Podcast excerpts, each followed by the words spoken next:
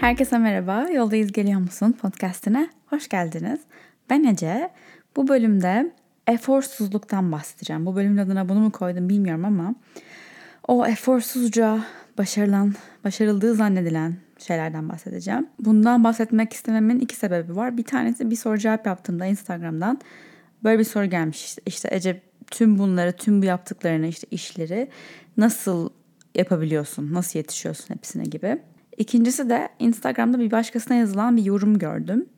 E, kim olduğu önemli değil. Herhangi birine yazılmış olabilirdi. İçerik üreticisi bir arkadaşımız. Ona yaptığı işi çok abarttığını söyleyen bir mesaj. Yani işte sen de böyle iş kadını gibi davranıyorsun ama e, hiç de bir şey yapmıyorsun aslında gibi bir yorum. Bu ikisi böyle bir bende bir ampul yaktı. Bunun hakkında konuşmak istiyorum dedirtti. Öncelikle Instagram'da bir story attım bununla ilgili. Aslında bu ikinci söylediğim şeyden önce atmıştım bu story'i ama bu her şey üst geldi. Zaten böyle oluyor. Belki de farkındalığıma bir şey girdiği anda hep onunla ilgili şeyler görmeye başlıyorum ama siz de bunun farkındaysanız bu tarz şeylerin belki hep beraber bunları konuşmuş oluruz. Benim bu konuya nasıl yaklaştığımı, benim için bazı şeyleri birçok şeyi yapabilmenin gerçek yüzünü anlatacağım bir bölüm olacak. Ama önce bir haber vermek istiyorum. Eğer önceki bölümleri, önceki iki bölümü dinlediyseniz biliyorsunuzdur ki yaklaşık neredeyse iki senedir, bir, kesinlikle bir buçuk senedir üzerine çalıştığım bir proje var, Deste. Eğer bu desteği ilk duyduğunuz bölümse bir ne olduğunu açıklamak istiyorum. Deste, e, Can'la beraber, eşim Can'la beraber e, kurduğumuz bir marka. Bir tane ürünü var şu anda. Bir deste, kart destesi. Kendi bakış açılarımızı değiştirmeye ve düşünce kalıplarımızı yeniden şekillendirmeye yardımcı olmasını istediğimiz bir rehberlik arayışımızdan doğdu. Belki beni takip ediyorsanız e, uzun zamandır YouTube'da böyle 4-5 sene önceden videolarım var. Kartlar çekiyorum. Size kart çekiyorum. Beraber kart çekiyoruz. Kart çekip üzerine konuşuyorum vesaire. Çok kullandığım bir ürün kategorisi ama hiçbir zaman tam olarak kendimi gördüğüm daha doğrusu tam olarak benim dilimi anlayan bir deste, kart destesi e, bulamamıştım. O yüzden e, bu konu oldu aslında bizim için böyle bir şey yapalım diye başladı. Destenin içinde şu anda sizi eğer alırsanız kendi derinliklerinize amacım bu doğru taşıyacak bir yolculuğa çıkaracak 45 tane kart ve bir el kitabı bulacaksınız. Ne için yani aslında bu? Hani hiç kart destesi hiç duymadıysanız bir karar vermek istediğinizde, hayatı anlamlandırmak istediğinizde ve herhangi bir şekilde yolunuza bir rehber aradığınızda bir fikir vermesi için, perspektifinizi genişletmesi için bir kart seçebilirsiniz. Ama kartların her biri size bir mesaj veriyor. Kart seçtikten sonra kitapçıktan açıklamasını okuyabiliyorsunuz. Hepsini ben yazdım. Ama her için niyetle seçtiğiniz kart için okuduğunuzdaki anlam değişecek. Belki aylar sonra yine aynı kartı seçeceksiniz ama başka bir niyetiniz için seçmiş olacaksınız. O içiniz onu okurken kendi içinizden kattığınız parçanızla kart aslında bir anlam ortaya çıkıyor. Kendi içgüdülerinizde dinleyerek o son dokunuşu yaptığınızda kart gerçek anlamını buluyor. Amacım hani bu kartları kullanarak kartların diliyle aşina olarak o kendi içinizdeki güvende olduğunuz sesle tanışmanız. Bir yerden sonra aslında o kartların sesini belki gün içinde zihninizde arkada kendi kendinize tekrarlayabiliyor olmanız. Kartların çıkış hikayesini, bir buçuk yıllık çıkış hikayesini Yola Devam Etmek adlı bölümde paylaştım. Eğer hani böyle genel olarak girişim, bir ürün çıkarmak, bir marka kurmakla ilgili merak ediyorsanız o bölümü dinleyebilirsiniz nasıl olduğu ile ilgili. Dediğim gibi ben yıllardır bu konularla ilgiliyim ve bu özellikle YouTube'daki birinci senemin sonlarına doğru hani 2017 sanırım o zamanlarda başlayan böyle bir spiritüel yolculuğum vardı. Ee, daha sonra bilmeyenler için kısa bir özet neler olduğunu ile ilgili. YouTube'u e, bıraktığım dönemlerde birkaç sene önce Flow açıldı. Yoga ve meditasyon stüdyomuz Flow açıldı. Nişanlandım. Ayrı bir eve çıktım nişanlımla şimdi ki eşimle. Beraber çalışmaya başladık kendisiyle ve ben böyle bir bir kendimi keşif e, yolculuğuna girdim sanki. Yani tam da böyle 27 28 yaşlarında başladığı için Satürn döngüm eğer biliyorsanız Satürn döngüsünü e, tam o zaman denk geldi gibi düşünüyorum. Yani şu anda 30 yaşıma girmek üzereyim. Birkaç ay sonra 30 yaşında olacağım. Tam o, o dönemi yaşadım gibi hissediyorum son birkaç senedir ve sanki bu ürünün, destenin çıkışıyla da o döngü böyle bir tamamlanışa vardı gibi hissediyorum. Satürn döngüsü de 30 yaşınıza girdiğinizde hani tamamlanıyor. 30'a kadar, 30'dan önceki son ilk 30'a kadar ki birkaç sene sürüyor. Böyle kendinizi keşif, her şeyi sorgulama dönemi gibi. Daha fazla detaylarını Google'layabilirsiniz ya da başka, başka bir bölümde belki bir sarıyla konuşuruz bununla ilgili çok merak ederseniz. Ama bu Satürn döngümü de hani bu tam üzerine hani pastanın üzerine son bir vişne konulur ya pastanın üzerindeki o son vişne gibi desteği koyarak sanki böyle bir tamamlanma hissediyorum gibi geliyor. Deste çıktı. Şöyle çıktı. Deste aslında sadece bir kart destesi değil. Aynı zamanda bir app, bir uygulama olarak da çıkacak. E, Türkçesi ilk önce çıktı.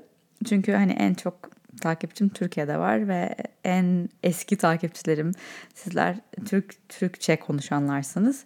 E, podcast dinlediğinize göre zaten Türkçe konuşuyorsunuz. O yüzden önce onu çıkarmak, onu hani ilk bir şey çıkaralım istedim. Hani hepsini aynı anda da çıkarabilirdik ama o daha sonra olurdu.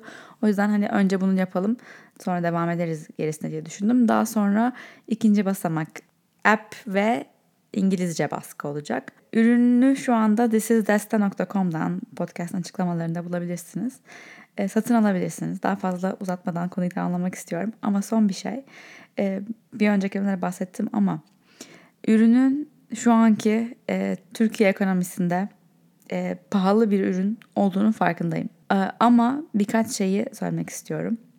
Bir, e, biz bu ürünleri Nisan, Mayıs 2022 yıllarında bastırdık. Yani e, gerçekten kağıdın, baskının, e, üretimin en pahalı olduğu e, zamanda yap, yapmak zorunda kaldık. Böyle denk geldi. Ş- şikayet etmenin alemi yok. Bu ürün e, bu fiyata üretildi. Bu fiyata e, satışa çıkmak zorundaydı. İnanın elimizden gelen en e, uygun fiyatı yap, yapmak için çok uğraştık ama benim de bir e, kalite standardım vardı. Yani daha belki dandik bir kağıt kullanabilirdim ama istemedim o kağıdı kullanmak. Belki atıyorum 100 lira daha ucuz olabilirdi daha dandik bir kağıt kullansam. Ya da işte kutusunu daha şey bir kağıttan yapsam, kalitesiz bir kağıttan yapsam olabilirdi. Ama e, ben istemedim öyle yapması yapmasını. Bunun da bazı insanları kızdıracağını, bazı insanların kartlara ulaşamayacağını bu fiyat yüzünden biliyorum. Çok üzgünüm böyle olduğu için ama her şeyin herkesin bütçesine uygun olabilmesi bir ütopya. Öyle bir şey mümkün değil. Ben e, burada biraz kendim fedakarlık ettim. Ya ben neler o kutuyu nasıl yapmak istiyorum size anlatamam belki.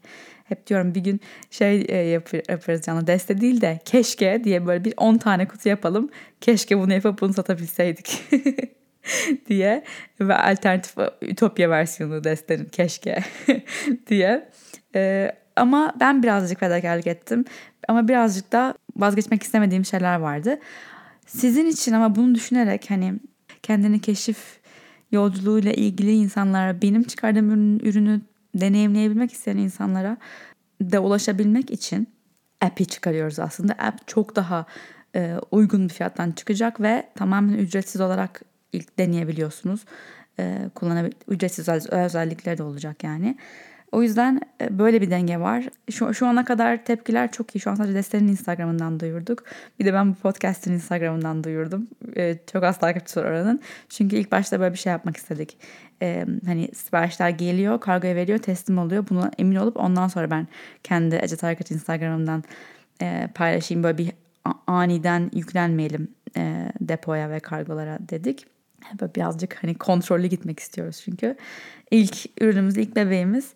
Tabii e, şey olunca anlıyorum. Yani bir influencer bir, bir ürün çıkarınca beklenti herhangi birinin çıkardığı bir üründen 10 katı 100 katı daha fazla oluyor. Daha mükemmel olması bekleniyor ama e, dilerim ki bugün bana yarın başka bir içerik üreticisine e, ürün çıkardığı zaman gerçekten e, hiç bilmediği bir işe girip bir girişimci olarak bir şey çıkarmaya çalışmış bir insan olarak e, bakabilirsiniz. Çünkü gerçekten öyle yani ben e, bilmem kaç yüz takip, bin takipçim var diye daha e, deneyimli, daha e, bilgili değilim. Ben de elimden gelen en iyisini yaptım. E, çok şey öğrendim bu yolda. Umarım eğer satın alabilirseniz çok seversiniz. Size çok iyi gelir. Şu anda podcast'ta yani daha Instagram'da duyurmadan burada duyurdum. Yine e, siz podcast dinleyenler benim en hani en yakın kitlem olarak görüyorum burayı. E, umarım keyifle kullanırsınız. Bununla beraber konuyu getiriyorum. Nasıl yapıyorsun tüm bunları ya? Şöyle bir gerçek var. Biz bizim jenerasyon özellikle e, çocuk da yaparım kariyerde şarkısıyla büyüdü.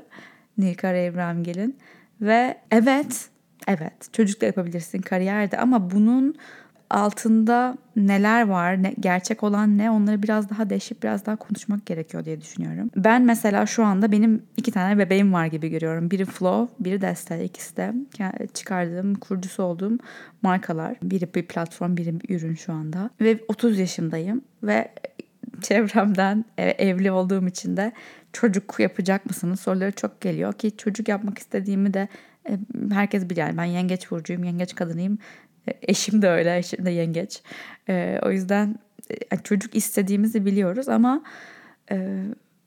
şu anda yaptığım şeylerde bile, şu anki hayat tempom, tem, tempomda bile sürekli bir şeylerden fedakarlık etmem gerekirken bir de bir çocuğu buna katmak istemiyorum. Nasıl yani? Şöyle. Mesela eğer Instagram'da beni takip ediyorsanız Instagram'da bazen bir dönem oluyor.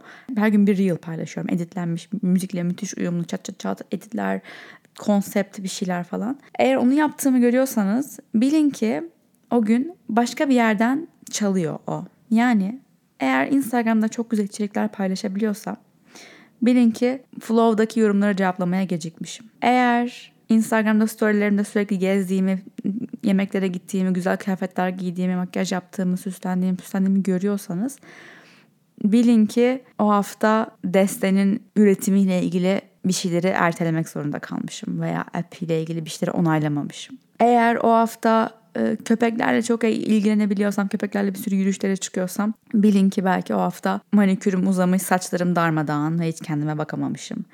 Bilin ki eğer Flow'da inanılmaz içerikler geliyorsa sürekli yeni yoga dersleri Instagram'da çok güzel içerikler paylaşıyorsak vesaire bilin ki o günlerde ev darmadan çamaşırları yapmamışız, e, yatağı günlerdir yapmamışız, kıyafetler her yerde, mutfak tezgahını silmem lazım falan filan. Veya TikTok'a girmeye çalışıyorum, TikTok'ta bir şeyler paylaşmaya çalışıyorum. Oradan podcast'te bir şeyler paylaşamıyorum. Podcast hiç duymuyorsunuz. Ya da çok podcast paylaştığım bir haftada annemleri hiç aramamış oluyorum. Çünkü onlarla konuşmayı unutuyorum ve onları program alamıyorum. Yani sürekli bir denge bulmaya çalışıyorum ama hiçbir zaman hepsini aynı anda yapmıyorum. Instagram'da öyle görüyoruz. Sanki herkesin hayatı inanılmaz verimli. Sanki herkes her şeyi aynı anda yapabiliyor. Herkesin hayatı inanılmaz düzenli, inanılmaz programlı herkesin işte manikürü var, saçı düzgün, inanılmaz güzel giyiniyor, arkadaşlarını görüyor, iş çok iyi gidiyor. Her gün çok sağlıklı besleniyor, spora gidiyor, hayvanlarına çok iyi bakıyor. Ailesiyle çok iyi. Çünkü onları görüyoruz. Ama bilin ki birini görüyorsanız biri öyle gitmiyor. En azından benim için bu böyle. Bilmiyorum siz nasıl düşünüyorsunuz. Yok hayır ben her şeyi yapabiliyorum diyorsanız bana lütfen yazın gelin konuk olun podcastime. Nasıl hepsini aynı anda yapabiliyorsunuz? Ama benim için hepsini aynı anda tırnak içinde yapmak demek hep birinin birinden rol çalması demek. Ve bununla barıştım. Yani artık bu hafta desteği çıkardık mesela ve inanılmaz yoğun bir tempoydu. Gerçekten bir de Merkür Retrosu var. Son anda o kadar çok şey oldu ki yani e, zaten ne kadar çok ertelediğimizi bırakın hani ilk çıkarmaya başladığımız Ocak 2021'den beri bugüne kadar ne kadar hani böyle ilk koyduğumuz tarih Eylül 2020 demiştik. Sonra Aralık oldu. Sonra işim en son e, Nisan oldu. Sonra Nisan'dan Mayıs'a kadar bile sürekli her hafta ertelendi mesela. Son 3 günde bile Cuma dedik olmadı, Pazar dedik olmadı, Pazartesi dedik olmadı. Salı günü. Zamanı oymuş.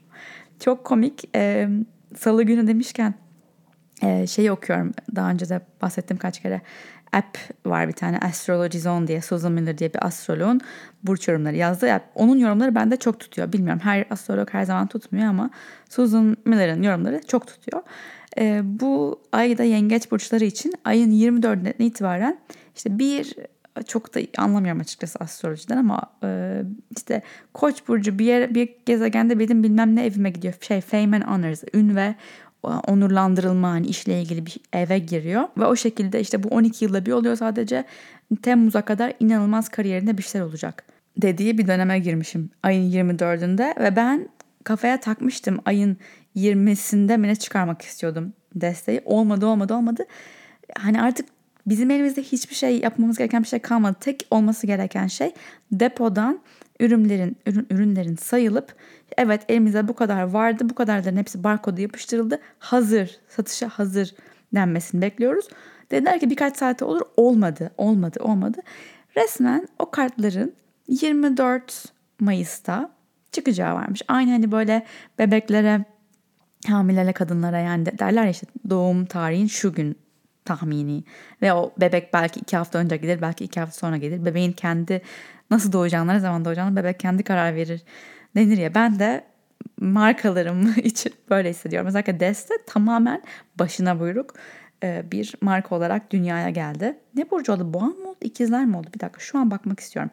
24 Mayıs Burç. Hangi burç oluyor? İkizler. Eyvahlar olsun. Peki size bir soru. Astrologla özellikle ilgileniyorsanız bana yazar mısınız? Sizce Deste e, ne zaman doğmuş sayılıyor? Instagram'da açıp dünyaya böyle bir şey çıkarıyorum ben ama tam olarak da ne olduğunu söylemiyorum dediğim gün mü doğmuş sayılıyor yoksa ürünün çıktığı gün yani 24 Mayıs mı sayılıyor? Çünkü Flow'u açarken bir astrolog bana şey demişti. E, duyu, ne zaman işte kapılarını açtın çünkü fiziksel bir mekan da orası.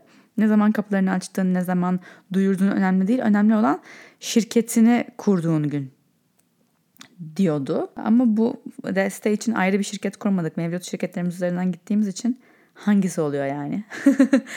Bana yazarsanız senin şu anda ikizler gibi geliyor ki ikiz ikizler olabilir destenin burcu gerçekten. Ben markalarımın da burçlar olduğunu düşünüyorum. Mesela şey e, Flow balık burcu. 24 Mayıs'ta neyse bu çıktı. Yani diyeceğim o ki eğer beni görüp Ece her şeyi yapabiliyor. Ece'nin hayatı inanılmaz düzgün. Her şey çok planlı, her şey çok yolunda gidiyor her zaman gibi görüyorsanız emin olun öyle değil. Bunu bir kendim açıklamak istiyorum. Dürüst olayım tabii ki ben düzenli, planlı, planlı, programlı bir insanım. Öyle olmayı seviyorum. Bu karakterim böyle. Ama her zaman her şeyi aynı anda yapamıyorum. Yapmak zorunda değilim. Hiçbirimiz yapmak zorunda değiliz. Bu podcast hepimize bir e, açık izin olsun. İzin veriyor bu podcast bölümü hepimize. Bazen bazı şeylere odaklanırken diğerlerini geride bırakmayı, sonra geri dönüp onu alıp onun elinden tutup öbürünün yanına getirmeyi. Okey. Yapabiliriz. Her şeyi aynı anda yapmak, hayatımızın her alanında aynı ivmede ilerlemek zorunda değiliz. Bu gerçekçi bir şey değil. Bazen aşk hayatınız, ilişkiniz çok iyi gider. Bazen işiniz, işlerinizden bir, bir kolu çok iyi gider.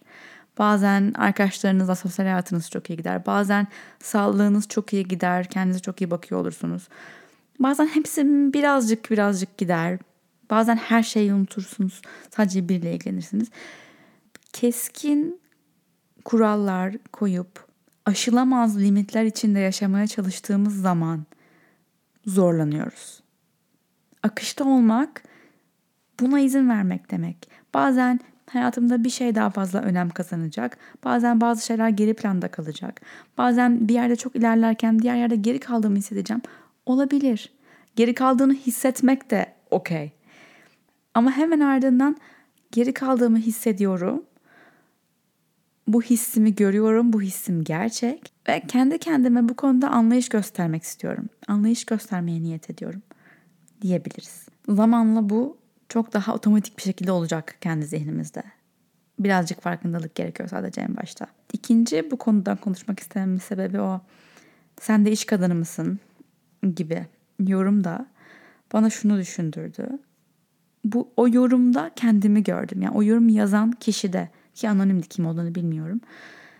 Kendimi gördüm. Çünkü benim de tam olarak kafamda artık toplumdan mı gelmiş, yetiştirilme şeklimden mi gelmiş, okuduğum okullardan mı gelmiş, ailemden mi gelmiş bilmiyorum. Bir şekilde içimde bazı sebeplerden dolayı çok çalışmalıyım, çok çalıştığım herkese göstermeliyim.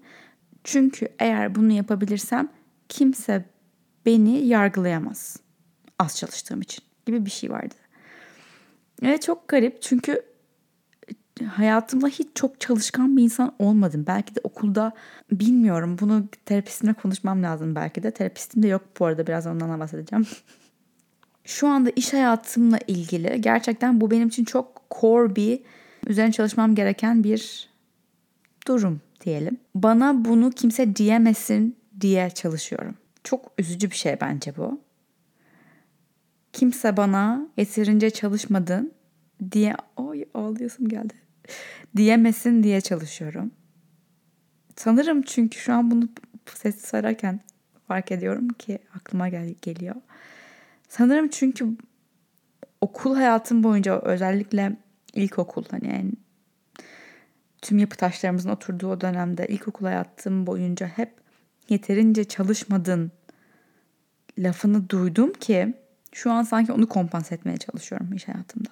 Ve okul hayatımın aksine çok severek yaptığım bir iş var. Yani okul hayatımda hiç okulu sevmiyordum, dersleri sevmiyordum. Ee, ders çalışmayı sevmiyordum. Sevdiğim bir ders yoktu. Yani belki tiyatro dersini çok seviyordum. Resim dersini çok seviyordum. İngilizce dersini çok seviyordum. Başka hiçbir şey sevmiyordum. Bazen öğretmenlerimi seviyordum. Sevdiğim öğretmenlerim oluyordu ama bazen hani öğretmeni sevmeme rağmen dersi sevmiyordum. Çalışmayı sevmiyordum. Öğren, öğrenmeyi, o, o konuları öğrenmeyi sevmiyordum. Bence bunun okul sistemiyle de çok alakası var ama şu anda ki hayatımda yaptığım işi çok seviyorum. Şu özellikle bugün yani son artık kariyerimde kaç senedir çalışıyorum? 7 senedir çalışıyorum. 7 senedir son 1-2 senedir kariyerimin geldiği kendime yarattığım iş beni mutlu ediyor. Ve kendi istediğim için çalışıyorum, kendim için çalışıyorum diye bakıyorum. Ama dışarıdan bakan kimse de bana yeterince çalışamıyorsun diyemesin. Belki de bunu diyemesinler diye böyle sevdiğim bir işi yaratabilmek için çok uğraştım. Belki de. O e, sosyal medyada gördüğüm birine yazılan o mesajda kendime gördüm derken şunu demek istiyorum. Bu düşünce benim içimde de var. Yani kendime bunu yaptığım için yeterince çalışmıyorsun. Kimseye sana yeterince çalışmıyor dedirtmemelisin. Düşüncesi kendi içimde olduğu için daha çok çalışmasın sürekli dediği için bu ses içimdeki. Başkalarına da bunu yapabilme potansiyeline, yatkınlığına sahibim. Yani benim içimde de bir ses, özellikle terapide başlamadan önceki zamanlarda bir ses başkasının da çalışma şeklini ve oranını ve yeterince olup olmadığını yargılıyordu. Çünkü kendimi de aynen bu şekilde yargılıyor, yargılıyordum ve bunun farkında değildim. Sorun oydu. Bunun farkında değildim. Dolayısıyla kendimi yargıladığımı fark etmeden bunu direkt dışarıya yansıtıyordum. Aslında dışarıya yansıttığımız tüm yargılarımız kendimize olan yargılarımızdır. Birinin e, bilmem kaç kilosuyla e, bilmem nasıl bir pantolon giymesi seni rahatsız mı ediyor? Öyle giyinmemelim diyorsun. Sen öyle düşünüyorsun. Bu senin ne kadar fit bir vücuda sahip olup olmadığın önemli değil. Sen şişman görünmemeliyim. Şişman görünürsem çirkinim atıyorum örnek olsun diye söyledim. Diye kodladığın için kafanda bir başkasına onu gördüğün zaman sen öyle olmasan bile şu anda öyle görünmüyorsan bile kendi içinde fark etmediğin kendine karşı bir yargın var ve bunu dışarıya yansıtıyorsun. Benim için de çalışmakla ilgili buydu ve terapi sayesinde bunu fark ettim.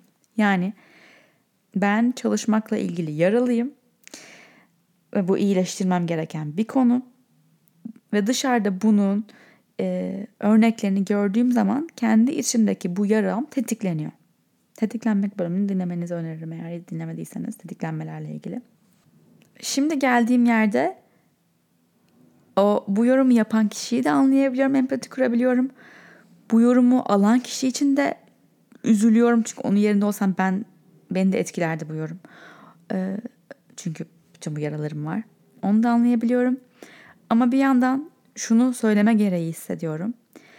Özellikle çalışmak ve kadınların çalışması ve yeterince çalışıp çalışmaması konusunda kadınlara yaptığı iş Sizin gözünüzde ne kadar büyük olursa olsun veya ne kadar küçücük olursa olsun yani kadın atıyorum yani evde ördüğü örgüleri satıyor olabilir Instagram'ından ya da milyon dolarlık bir şirketin CEO'su olabilir. Fark etmez.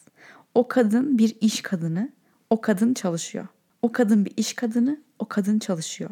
Bunu bunu bu cümlem aklınıza geri gelsin. Eğer bir kadını görüp "Ay senin yaptığın iş mi?" diyen bir ses olursa içinizde bir durun ve bu bölümü hatırlayın istiyorum. Ben içimde böyle bir şey olduğunu fark etmemiştim. Şu an fark ediyorum. Demek ki benim çalışmanın benim ne kadar yeterli, ne kadar değerli olduğumla ilgili bir şey olduğunu düşünüyorum ve başkalarını da bu düşünceyle yargılıyorum. O kadının bir işi var, o kadın çalışıyor, o kadın bir iş kadını. Limon satsa da iş kadını, CEO olsa da iş kadını, beyaz yakalı olsa da iş kadını, içerik üreticisi, üreticisi olsa da iş kadını, manav olsa da iş kadını, doktor olsa da iş kadını, her türlü bir iş yapan bir kadın, iş kadını. İş kadını. İş insanı. İş, iş kadınıymış gibi davranmıyor. O bir iş kadını. işe gidiyor, çalışıyor. Bu bunu söylerken bir anda artık yıllardır sosyal medyada içerik üretince direkt aklınıza böyle herhangi bir şeyde bir yorum yaptığınızda gelebilecek tartışmalı yorumlar geliyor aklınıza. Burada herhangi bir lafı çalışmayan, iş yapmayan kadınlara hiçbir lafım yok. Sadece bu özellikle bunları son haftalarda çok fazla gördüğüm için bir açıklık getirmek istedim. Tabii ki çalışmak zorunda değiliz. Benim annemden gelen bir e, yanım var aslında. Annemle olan bölümü dinlerseniz bayağı eski. Belki pandemiden önceydi yani. Artık hayat böyle pandemiden önce pandemiden sonra gibi değil mi? Bir bölüm var annemle. Bu annem o bölümde dinlerseniz annemin bu işlere nasıl baktığını çok iyi görürsünüz. Ve belki bu bölümü dinledikten sonra belki daha önce dinlediyseniz bile geri gidip dinlerseniz benim annemi ne kadar frenlemeye çalıştığımı hissedebilirsiniz o bölümde. Şeyi yapmaması için yani kadın çalışmak zorunda, kadın çalışmalı, kadın para kazanmalı. Evet bunların hepsine katılıyorum bir yandan ama bu kadar keskin olunca da kimseyi gücendirmek, kimseyi kızdırmak istemiyorum. Sizin tercihiniz yani her, her birimizin tercihi. Ben çalışmayı seviyorum yani bugün bir anda şey kuşun ne kuşu ya? Talih kuşu mu? Ee, konsa ve bana bir anda milyonlarca dolar getirse ve çok param var artık olsa bile ben çalışırım. Çünkü seviyorum. Özellikle şu anda dediğim gibi sevdiğim bir iş yaptığım için çalışırım. Belki bu kadar kendimi paralamam çalışmak için. Ee, bu kadar yıpratmam belki. Umuyorum. Yıpratmayacağımı umuyorum. Yani onu da yapmam, o konu üzerinde de çalışmam gerekiyor çünkü. Geçen gün günlüğüme şey yazdım. Bugünün niyeti bu kadar stresli olmak zorunda değil. Seni bir aslan kovalamıyor. Evet beni bir aslan kovalamıyor. Yani gün içinde ekibe de sürekli bunu söylüyorum. Atom parçalamıyoruz. İnsan hayatlarını kurtarmıyoruz. Ameliyat masasında değiliz. Hata mı oldu? Düzeltiriz. Aksadı mı? Sorun değil. Zamanı değilmiş gibi yaklaşmaya çalışıyorum. Hep herkese bunu söylüyorum ama kendi içimden bir yandan bunu çok yapamıyorum. Kendi içimde bunun nasıl bir his olduğunu bildiğim için çevreme sürekli bunu söylüyorum aslında.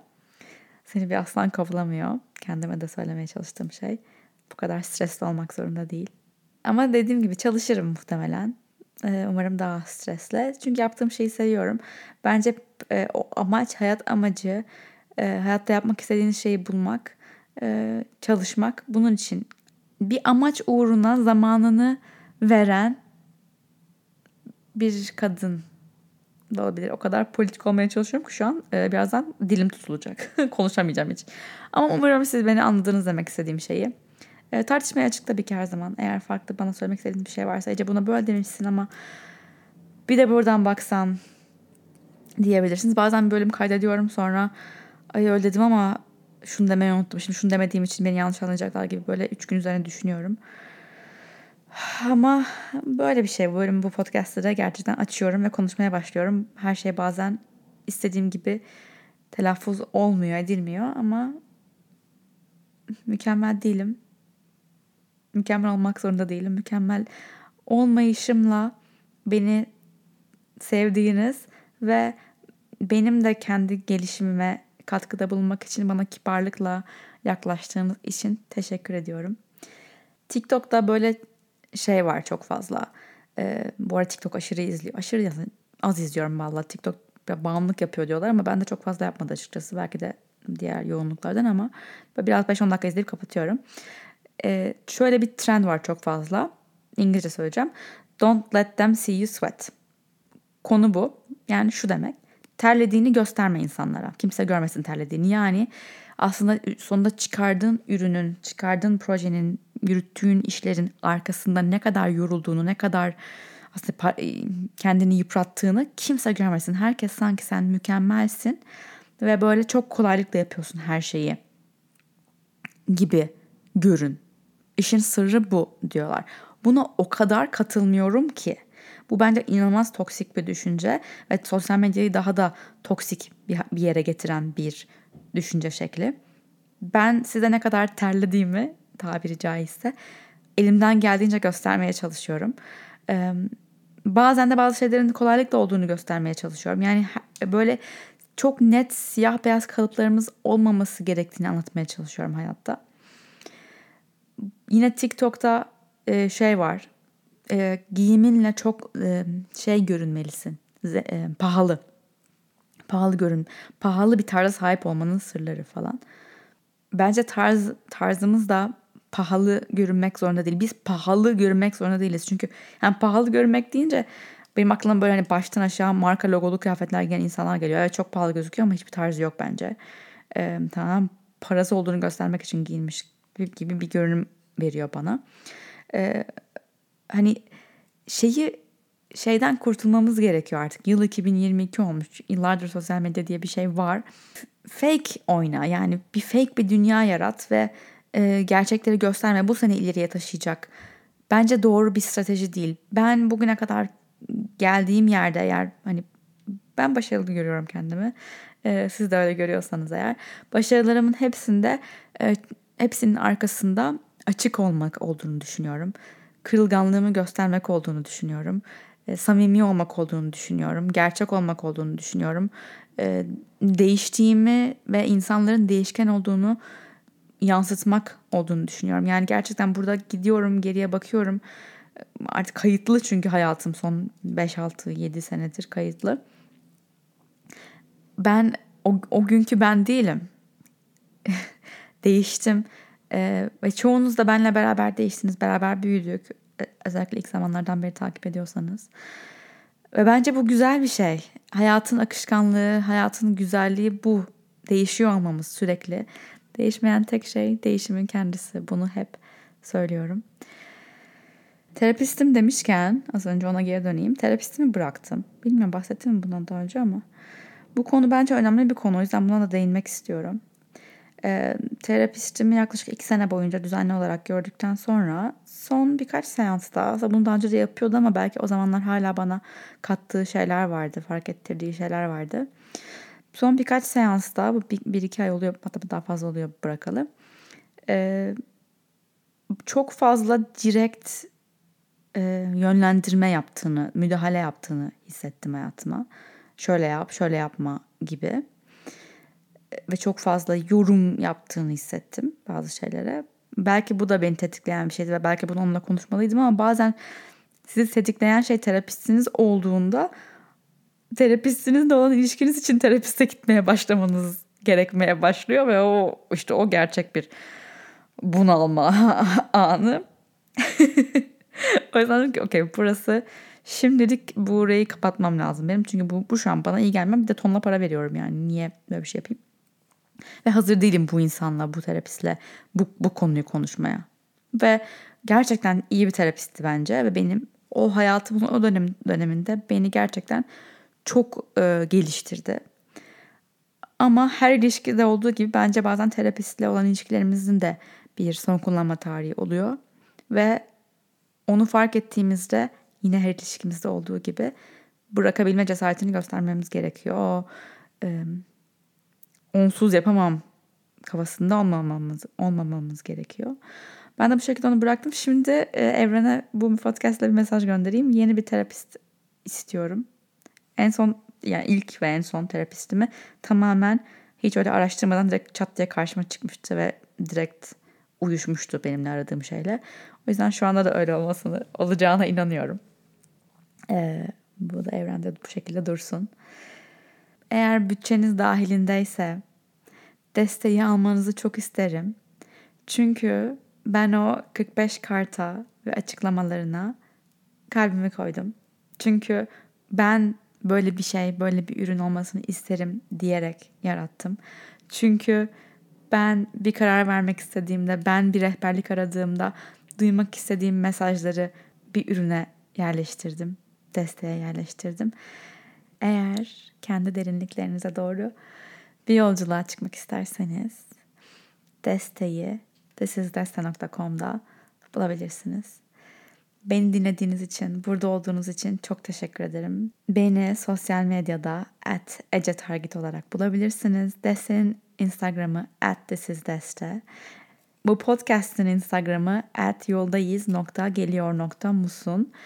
Bazen oradan story'den konuştuğum böyle hızlı storyler atıyorum. Bu desteği de ilk orada duyurdum mesela daha hiçbir yer duyurmadan önce. Ee, takip edebilirsiniz. Yakında orada May, amacım Haziran ayında Haziran kendime deadline koydum. Destenin bu en azından ilk adımının e, çıkmasını bekliyordum.